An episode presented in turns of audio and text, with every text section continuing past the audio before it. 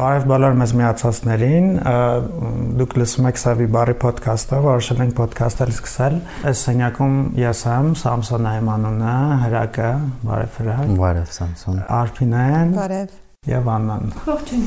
Մենք այսօր խոսել ենք Սեբի բարի մասին, ինչ ենք որոշել ոդքասթ անել։ Հունիսին հրապարակվեց տեքստ, որի անունն էր «Քանի չկա տնտեսական ժողովրդավարություն, քաղաքական ժողովրդավարությունը կմնա հայկա հեղափոխության ենթակա, որից հետո որ որը որ ելակետներ Սեբի բարը սկսելու ով կուզի մի երկու բառով ասել այս տեքստը ինչի մասին էր։ Սեբի բարը շատ կարճ ասենք բլոկ է հրաբարակախոսական, որտեղ հիմնականում ցախական դիրքերից քննարկվում են ժամանակակից, ասենք թեմաներ հայ, հայաստանյան հիմնականում հայաստանյան քաղաքական դաշտում զարգացումներ, հայտարարությունների արձագանք ենք փորձում տալ եւ այլն եւ այլն։ Տեքստը ինչու գրվեց, տեքստը ուրեմն անկեղծորեն սկսել էինք գրել դեր Սերժ Սարգսյանի հրաժարականից առաջ հենց այդ օրերին, երբ որ շարժումը սկսել էր քիչ-քիչ ծավալվել, ցույցերն էին եւ նկատել էինք, սկսել էինք նկատել, որ ցույցերի ամբողջ դիսկուրսի մեջ, ռետորաբանության մեջ չկա ընդհանրապես սոցիալական արդարության թեման, չկա տնտեսական ժողովրդավարության թեման, ամեն ինչը գնում է կոռուպցիայի շուրջ, ավտորիտարիզմի շուրջ, որոնց դեմ մենք եւս ենք իհարկե, բայց այդ բակասն ենք սկացել եւ մտածել ենք, որ գուցե պետք է նաեւ ինչ որ այդպիսի տեքստ գրել ու դիմել, ասենք ցույցերի կազմակերպիչներին կամ առաջնորդներին, այսպես ասած, որ նաեւ այս թեմաները պետքա ներառել օրակարգի մեջ։ Չհասցրինք, քանի որ ամեն ինչ շատ շուտ հարաճած շատ շուտ սկսավ արագ շարժվելու առաջ ընթանալ ու հետո արդեն ամեն ինչից վերջ երբ որ տեսանք որ էլի նույն թեմաները չկան դուրս են մնում ասինք հավաքվենք ու այդ տեքստը ամփոփչացնենք ու անդրադարձանք մեջը մի քանի խնդիրների երևի գործընկերներս կօգնեն լրացնել հիմնականում քանի որ պայմանավորված էր մեր շարժառիթը նրանով, որ տնտեսական հարցերը կարծես յետին պլան են մղվում եւ շատ ավելի տեսանելի եւ քաղաքական ներկայացվող հարցերն են հանրային օրակարգում քննարկվում, օրինակ մարդու իրավունքներ, ժողովրդավարական հաստատությունների կայացում, որոնց մեջ է, ասենք, ներկայացուցչական համակարգը կամ պարլամենտական ընտրությունները, հենց բուն ընտրությունների արդարության, թափանցիկության անցկացման մեխանիզմների մասին քննարկումներ մենք հիմնվելով նաև մասամբ եւ հայաստանյան եւ տարածաշրջանային փորձի անցյալի վրա, նաև հիմնվելով որոշակի գիտելիքների եւ փորձառությունների փոխանակման վրա, որոնք եղել են գլոբալ իմաստով եւ Լատինական Ամերիկայից գիտենք եւ հետխորթային արևելյան կենտրոնական Եվրոպայի երկրներից գիտենք, որ այս քննարկումները իրականում շղարշում են դարեդար շարունակվող այնպիսի քիչ համակարգեր, որոնք շարունակում են գոյատևել։ Տնտեսական համակարգերի մասին է խոսքը։ Դրա համար Սև Բիբարի նաև գիզակետում պահում ենք մի շատ կարևոր գաղափար, դա տնտեսական ժողովրդավարության գաղափարն է, եւ ցավալի է որ երբ մենք սկսեցինք հունիսին անցյալ ամռանը այս տեքստի հրապարակմամբ եւ ընդհանրապես այլ տեքստերի հրապարակմամբ մի քիչ բացել տնտեսական ժողովրդավարություն ասվածը երևի աշնանից եւ հատկապես ընտրությունների, հա, պարլամենտական ընտրությունների սկսած կառավարող ուժը հիմնականում նոր հեղափոխական ուրեմն ուժը սկսեց գործածել տնտեսական հեղափոխություն տերմինը բացարձակապես այլա այլափոխված եւ նույնիսկ խեղաթյուրող մի համատեքստում։ Դրա համար մեզ համար տնտեսական ժողովրդավարության գաղափարը շատ կարեւոր է, այսինքն մի գաղափար, որտեղ մասնակցային, թափանցիկ, արդար, հավասար լինելու բոլոր գաղափարները պետք է կապված լինեն աշխատատեղի, տնտեսական հարցերի, աշխատող գործատու հարաբերությունների կամ ընդհանրապես նրա նման հարաբերություններ վերացնելու այդ քննարկումների հետ Այսպես Ընդհանրապես այդ տնտեսական անհավասարությունների, սոցիալական անհավասարությունների թեման երևի թե միշտ մարգինալ է եղել Հայաստանում,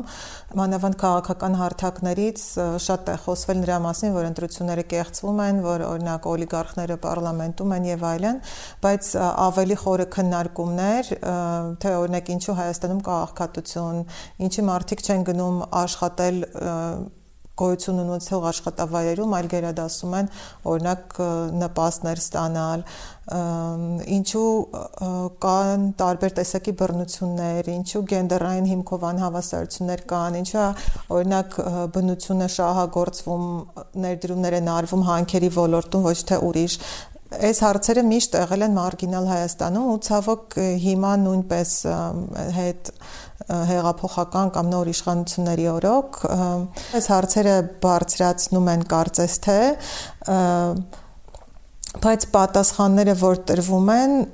ելի չեն բխում սոցիալական արդարության կամ հավասարության գաղափարներից մեր քննադատությունը ցախ կողմից է լինելու կարիք կա քիչ թե շատ ընդհանուր հասկանալու թե ինչ անշակում ցախական կողմերից որտեղ ենթադրում եմ, որ կլինեն մարդիկ, ովքեր որ չեն իմանա կամ հարցադրում կանեն ինչ անշակում ցախական կողմից։ Հա, հատկապես կազմակերպված պետական սոցիալիզմի, որը սկսվեց բոլշևիկյան հեղափոխությունով, տևեց մի 70 տարի եւ ձախողվեց այդ ձախողումից հետո ընդհանրապես ձախական եւ սոցիալիստական գաղափարների, նույնիսկ բառակապակցության գործածությունը հենց այդ ձախողման կիզակետում գտնվող տարածքներում, ասենք նույն Հայաստանում որպես հետ խորթային երկիր շատ բարդ է եւ հատկապես այն ալիքի ներքո, որը 90-ականներին բերեց բարեզբուն իմաստով վայրի անսանձ հավոր մեծ արագ սլացող կապիտալիզմ այս տարածաշրջան եւ այդ ալիքը ընդհանրապես ջնջում էր ամեն տեսակի հնարավոր քննադատության տարածք, հնարավորություն, ելի շարունակում է դժվար լինել այս քննարկումը, ինչպես նաև Արփինեն ասաց, մարգինալ թողնել, բայց ցախական տեսանկյունից քննադատություն նշանակում է հիմնականում հարցականի տակ դնել ուժային հարաբերություններ, իսկ ուժային հարաբերությունները անշուշտ կան հատկապես նաև տնտեսական ոլորտում, տնտեսական իմաստով, դա ոչ միայն ավտորիտարիզմի, դիկտատորի արկայությունն է ժողովրդի նկատմամբ, դա ընդհանրապես ցանկացած տեսակի իշխող, իշխվող հարաբերություններն են, որոնք շատ են, շատ-շատ են, հատկապես եթե մենք նայում ենք տնտեսության կազմակերպման ձևը եւ այս տնտեսության կազմակերպման ձևի մեջ կան գործատուներ լավագույն դեպքում, բայց կան քրեական գործելավոճով աշխատող օլիգարխներ որպես գործատուներ եւ հետեւաբար նրանք ունենում են իշխող, իշխանական, ճնշող, կեղեքող հարստահարող դեր եւ այդպես էլ վերաբերվում են մնացածին, ովքեր իրենց աշխատողներն են կամ ովքեր միգուցե իրենց հետ հարաբերվողներն են, որպես մյուս շղթայի, հա, տնտեսության այլ շղթաների անդամներ։ Հիմա, երբ մենք ասում ենք ցախական տեսանկյունից, առաջին հերթին հարցադրում ենք այդ ուժային անհավասարությունը եւ այդ դիսբալանսը։ Մի շատ པարզ օրինակ բերեմ, երբ Հայաստանի վարչապետ Նիկոլ Փաշինյանը 2019 թվականի հունվարին կամ նույնիսկ միգուցե ավելի շուտ էլ այդպիսի արտահայտություն արել, բայց հատկապես հունվարին ասում էր հարուստներ, եկեք Հայաստան, ներդրումներ արեք, հարստացեք եւ հետո հարստացրեք մյուսներին, այս այս նախադասությունը հենց ցախական դիրքերից քննադատելը նշանակում է ցույց տալ կենսափորձով համաշխարային, որ երբևէ հարուստները չեն հարստացրել մյուսներին, որ հարստության գաղափարը ինքնին արդեն անհավասարության հարաբերություն է ենթադրում, անհավասարության հարաբերությունը ենթադրում է անպայման հարստահարում եւ այս քննարկման ուրեմն դիտանկյունը տեղով ինքնին արդեն ցախական դիտանկյուն է։ Ուզում եմ ասել, որ պետք չի պարտադիր դասագրքային սահմանումներ ունենալ ցախական դիտանկյունը անցալելու համար, ինչպես նշվեց եւ մենք մի քիչ քննարկեցինք 2018 թվականին գրված տեքստը, որը հիմք հանդիսացավ Սև Բիբարի շուրջ մեր միավորվելու եւ նաեւ այլ մարդկանց հրավիրելու, այդ տեքստում ամեն դեպքում կան ուղենշային գաղափարներ, թե ինչ բան է այդ ցախական դիտանկյունը, որով մենք ենք հիմա նայում Հայաստանի իրողություններին։ Օրինակ այդ տեքստերում, որ գրվել են Սև Բիբարում, մի քանիսը անդրադառնում են ներդրումներին, ու եթե նայենք վերջին ամիսներին Հայաստանում անընդհատ քաղաքական խոսքեր են ասվում, ոնց որ Աննան էլ ասաց, ներդրողներին հravirելու շարունակվում է մոտավորապես այն ինչ որ եղել է մինչև հիմա, որտեվ միշտ ներդրումը ներդրողը համարվել է ինչ որ սրբություն, որը գալիս ու լավություն է անում տվյալ ժողովրդին կամ պետությանը եւ ծաղկեցնում տնտեսությունը ու մեզ մոտ մի քանի հոդվածներ կան, որոնք թույլ են տալիս ուրիշ կողմից նայել, ասենք ներդրողը իրականում դնում է մի հատ գումար, որից ինքը ակնկալում է ստանալ շատ ավելին։ Ու դա ինչպես է անում, օրինակ ինչու՞ չի խոսվում աշխատողների շահագործման մասին։ Ներդրումը խթանելուն կոչ անողը չպետք է արդյոք օրինակ խոսի թե ինչ պայմաններով են այդ ներդրողի մոտ մարդիկ աշխատելու ներդրողի վճարված հարկերը ինչպես են բաշխվելու, ասենք ոստիկանությունը պետք է ավելի մեծանա ու բարձր աշխատավարձեր ստանա, թե պետք է դպրոցներ բացվեն, թե առողջապահությունը օրինակ ավելի մատչելի դառնա եւ այլն։ Ցախի սահմանումը փորձել տալու համար նաեւ երևի օգնի հասկանալ կամ սահմանալ թե ինչին է հագատրվում այդ ցախը եւ դա կարծեմ ինչպես որ Աննան էլ ասեց դասագրքային դասագրքային բաների միջ մեջ են գտնելը այդքան էլ դերևս նվադակահարմար չի ավելի լավ է կոնկրետ կոնտեքստի մեջ դնել, որ երկրում ինչ ցախ, մեր դեպքում ասենք Հայաստան, Հայաստանում, երբ որ մենք խոսում ենք ցախական դիսկուրսի մասին, բնականաբար դա սկսում է կամ առաջա մղվում Հայաստանում եղած ոչ ցախական կամ ասենք Հայաստանում եղած հաստատված դիսկուրսի դեմ դուրս գալու մղումով, մղումից այսօր այդ որն է լիբերալ, նեոլիբերալ աշխարհայացք ու կառավարման մոդելի մոդելն է, որը որ հատկապես այսօր անշուշտ նախքին նախքինում էլ կար, բայց այսօրվա նաև կառավարող ուժի կողմից երբեմն չափազանց, ասենք, սանցարցակ մագարտակի է հասնում առնվազն դիսկուրսի դիսկուրսի մագարտակով, բայց նաև գործնաբես հիմա դրան էլ կանտրատարնամ ունենք մի հատ դխրահրճակ օրինակ արդեն համակարգային չարեփոխման դիսկուրսի մագարտակով էլի Սերբիբարի մեր հոդվածներում անդրադարձել ենք։ Երբեմն օրինակ Վարաստատ Ղարաբեդյան Աժբատ կամավորը մի հատ հարցազրույց էր տվել, որտեղ այնքան բաց այդ լիբերալ նեոլիբերալ ասենք դասախոսություններ կարդում, որ կառավարությունը ուրեմն պիտի պատրաստ լինի առանց նույնիսկ հարցաբնթելու, առանց նույնիսկ քննարկելու, առանց նույնիսկ դատամսելու ընդունել բիզնեսի առաջարկությունները, որովհետև բիզնեսը ուրեմն պիտի թելատրի կառավարության եւ այլն։ Այս այս ամբողջ այս այս դրամաբանության ենք մենք փորձում հագատրել այն ինչ որ մենք ասում ենք ցախ հիմնականում այսինքն տնտեսական նաև նաև համաշխարհային նաև միջազգային տնտեսական մոդելի անշուշտ սահմանների մեջ է այս ամեն ինչը, որովհետև իհարկե կապված է միջազգային նաև ճնշումների, ուղագի պետական, դալինի դեսպանատների, ասենք, բանով աճակցությամբ հadoop համագարկային բարեփոխումների կամ միջպետական, ասենք, գազམ་ագերբությունների, միջազգային գազམ་ագերբությունների թելատրած այս այսպես ասված բարեկարգչական, ասենք, ծրագրերի բանով, այդ ամենի արդյունքում է նաև որ դեղական, ասենք, կառավարող ուժերը այսօր կամ 3 կամ գուցե 5 տարի հետո նաև փորձում են համակերպվել այդ ամեն ինչին։ Ու այս ներդրումա, կենտրոն ներդրումա, ասենք, ճաշտական ամեն ինչը ուրեմն բիզնեսին արիտ տալ, բիզնեսը մեծացնել, որբեսի հետո trickle down economics անգլերենով, որբեսի հետո նաև այդ հարստացումը հասնի մնացած բոլորին, մենք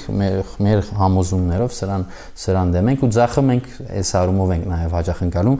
անդրադարձա որ կորզնական նաև բաներ կան։ Մինչև հիմա երևի եթե չեմ եթե սխալվում եմ ինձ ուղեք, բայց առաջին լուրջ համակարգային փոփոխությունը որը այս նոր կառավարող ուժը երևի գբերի դա հարկային օրենսգրքի հարկային դրամապանության փոփոխությունն է։ Եվ դա ուղղակի էլի նեոլիբերալ, ծայրահեղ նեոլիբերալ գաղափարախոսության վրա հիմնված բանա բարեփոխում կամ մենք ես կասեի չարեփոխում, որը որ համահարթեցնում է եկամտահարկերը, նաև համահարթեցնում է շահութահարկը այդ եկամտահարկերին, բոլորի չեսնում է 23%-ի, այսինքն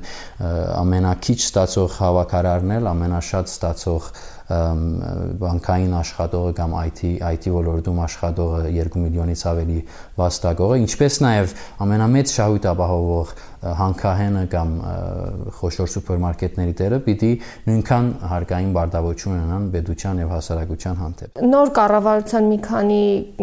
գործողությունների օրինակով կարելի է քննարկել ինչ է լիբերալ եւ նեոլիբերալ եւ ինչու դրան հակադրվում է սոցիալիստական կամ դախականը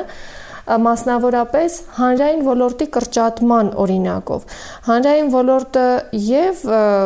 պետական կազմակերպման միջոցով հանրայինն է եւ ընդհանրապես հանրայինն է, դա կլինի համայնքային, թե ոչ ինստիտուցիոնալ կազմակերպման միջոցով, բայց Սկսենք օրինակ պետական համակարգից որպես հանրային ոլորտ, ինքը ամեն դեպքում դրվեց կրճատման եւ պետական կառույցներ կրճատվեցին եւ լիարժեք չէր դրանց ամեն դեպքում հիմնավորումը մի բան է կրճատումը նախարարությունների թվի, մյուս բանն է, թե այդ նախարարությունից որոնք են կրճատվում։ Օրինակ ֆինանսների ոլորտում գործող երևի 3-4 նախարարություն կա, էկոնոմիկա ներդրումներ եւ այլ եւ այլն, որոնցից ոչ մեկը չկրճատվեց կամ չմիացավ իրար, բայց իրար միացան, ասենք մշակույթն ու կրթությունը կամ գյուղատնտեսությունն ու չգիտեմ ինչը։ Հա, դա նշանակում է պետության հանրային կարգավորիչ դեր, ինչ որ մասնակցություն այդ ոլորտներում տարբեր հարցերին դա կրճատվում է, բայց փոխարենը կա պետական միած ստրուկտուրա, որտեղ շատ են այն ուղությունները, որոնք պահպանում են բիզնեսի համար անհրաժեշտ միջավայր եւ պայմաններ։ Սա է ամենահիմնարար բանը, որ մենք կարողանանք հասկանալ ինչու լիբերալ, այսինքն նպաստավոր մասնավորի համար, ի հակադրություն ձախական, այսինքն նպաստավոր առնվազն հանրայինի համար եւ այդ օրինակը շատ կարեւոր է։ Հիմա շատերն են հիմնվում էլի նախքին այդ պետական սոցիալիզմի ձախողման փորձի վրա, բայց մենք բացարձակապես դուրս ենք այդ ընդհանրապես նախ պետական կազմակերպված սոցիալիզմի այդ գաղափարից, մենք կոնկրետ հարցեր ենք վերցնում ու կոնկրետ ձևով քննադատում եւ անձամբ ինձ համար հիմնարար են նաեւ այն քննադատությունները, որոնք կարող են վերաբերվել պետական սոցիալիզմին, օրինակ, չգիտեմ, ազգայնացված տարբեր ձեռնարկություններին, լինեն դրանք հանքեր, թե լինեն դրանք արտադրողական ինչ-որ միավորումներ, որտեղ հարաբերությունները պետք է շարունակեն մնալ գործատու, այսինքն տվյալ դեպքում պետությունն է գործատում եւ աշխատող, երկատված, անհավասար, շահագործող հարաբերություններում։ Դրա համար մենք ուրիշ ձև ենք փորձելու նայել, անձամբ ես գոնե տնտեսական տնտեսական ժողովրդավարության կոնտեքստում անընդհատ այդ եմ փորձելու ցույց տալ եւ միգուցե դա կօգնի, որ այդ ոչ հիմնավոր քննադատությունը անընդհատ ձախի նկատմամբ, դա մի տեսակ շատ մոդայիկ է նաև, թե համաշխարհային ալիքի ներքո է, թե գիտակցված չի, չգիտեմ, բայց ամեն դեպքում շատ ավելի կոնկրետ օրինակներով ավելի հեշտ կլինի այդ հարցակումներից պաշտպանվել։ Պետք է մենք հասկանանք նեոլիբերալիզմը կամ լիբերալիզմը ինչը ընդհանրապես այն տեսանկյունից, որ այս գաղափարախոսությունը մանավանդ 90-ականներից հետո այնքան տոտալ է դարձել ու միևնույն ժամանակ այնքան ան, անտեսանելի է դարձել, որ մարդիկ իրեն ընդունում են by default, այսինքն default ասելով ինչ նկատի ունենք, որ միշտ թվում է թե մարդիկ այսպես են եղել, մարդկային պատմությունը միշտ այսպես է եղել ու մարդ նույնիսկ ներկայացվում է որպես էակ, որը որ միշտ մտածում է իր շահի մասին, որը որ միշտ մտածում է իր շահի պաշտպանելու, այսպես հարցակվելու եւ այլն մասին, այո, անznապաշտական գաղափարախոսությունն նույնիսկ այն այն կարգի, որ ամբողջ մարդկային պատմությունն այս տեսանկյունից ներկայացում, որը որ շատ պրիմիտիվ պատկերացում է մարդու, այն տեսանկյունից է նաև կարևոր, որ պատմական հիշողությունը չջնջվի, որովհետև լիբերալիզմը, նեոլիբերալիզմը որպես այդպեսին սկսել է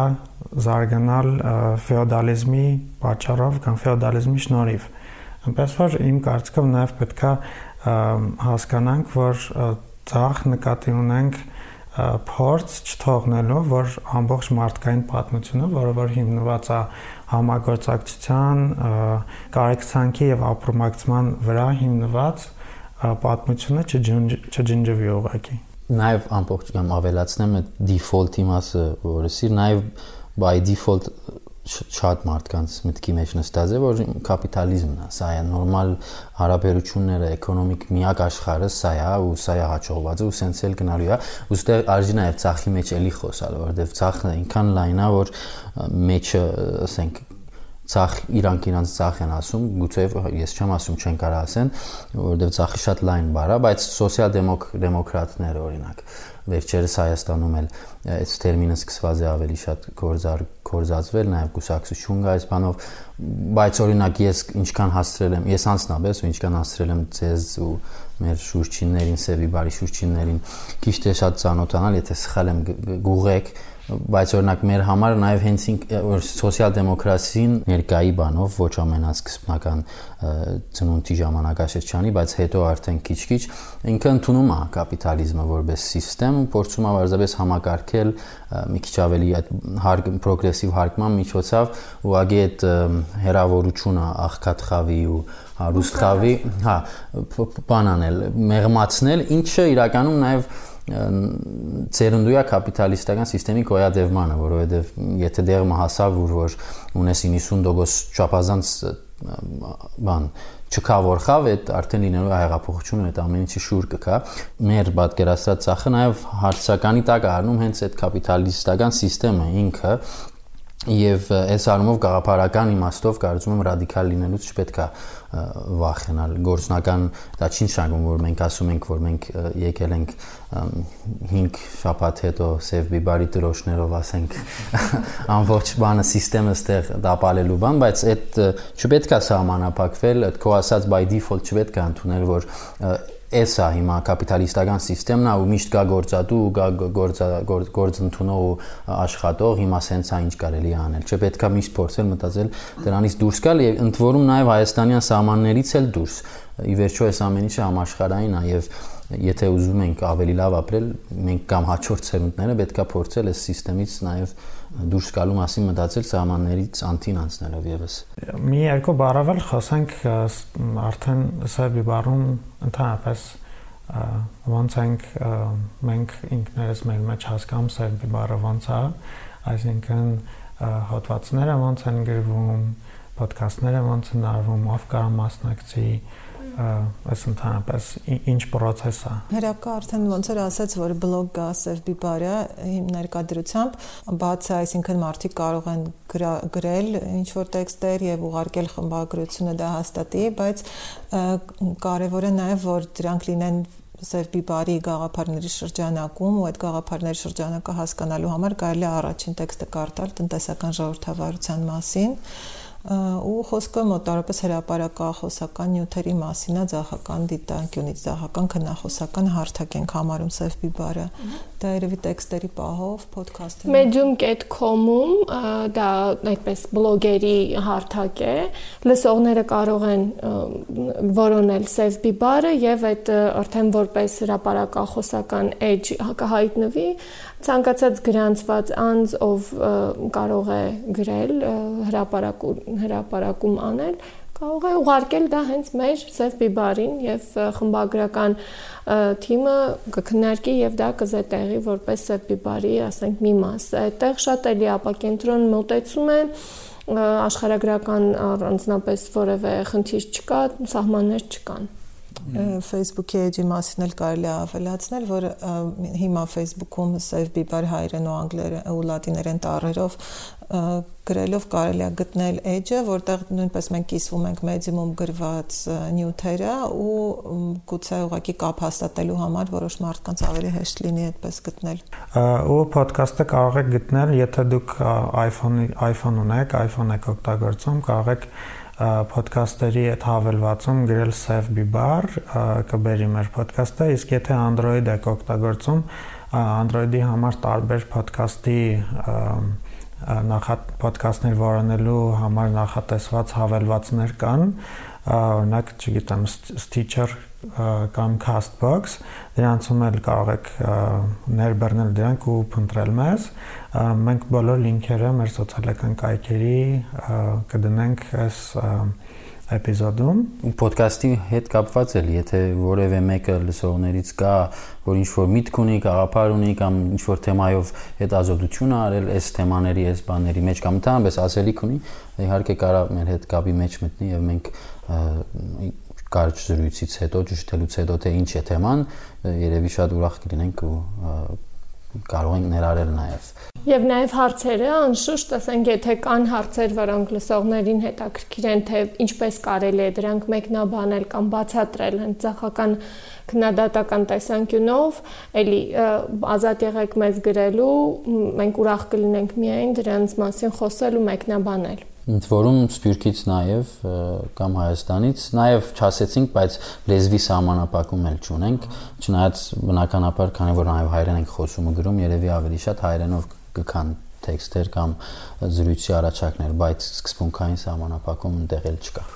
Այո, նաև Սերվի բարի բլոգում շուտով դնելու ենք հատվածների թարգմանություններ, սրանք լինելու են այն հատվածները, որոնք որ մեր կարծիքով կարևոր են, դրանք հայերեն ենք թարգմանելու, դնելու ենք։ Դուք էլ կարող եք առաջարկել։ Եվ դա այսքանն է, սահմանփակվենք այսօր։ Եվ բարի երթ մեր ոդքասթներին։ Մերսի, որ լսեցիք, մինչ նոր էպիզոդ։ Հաջողություն։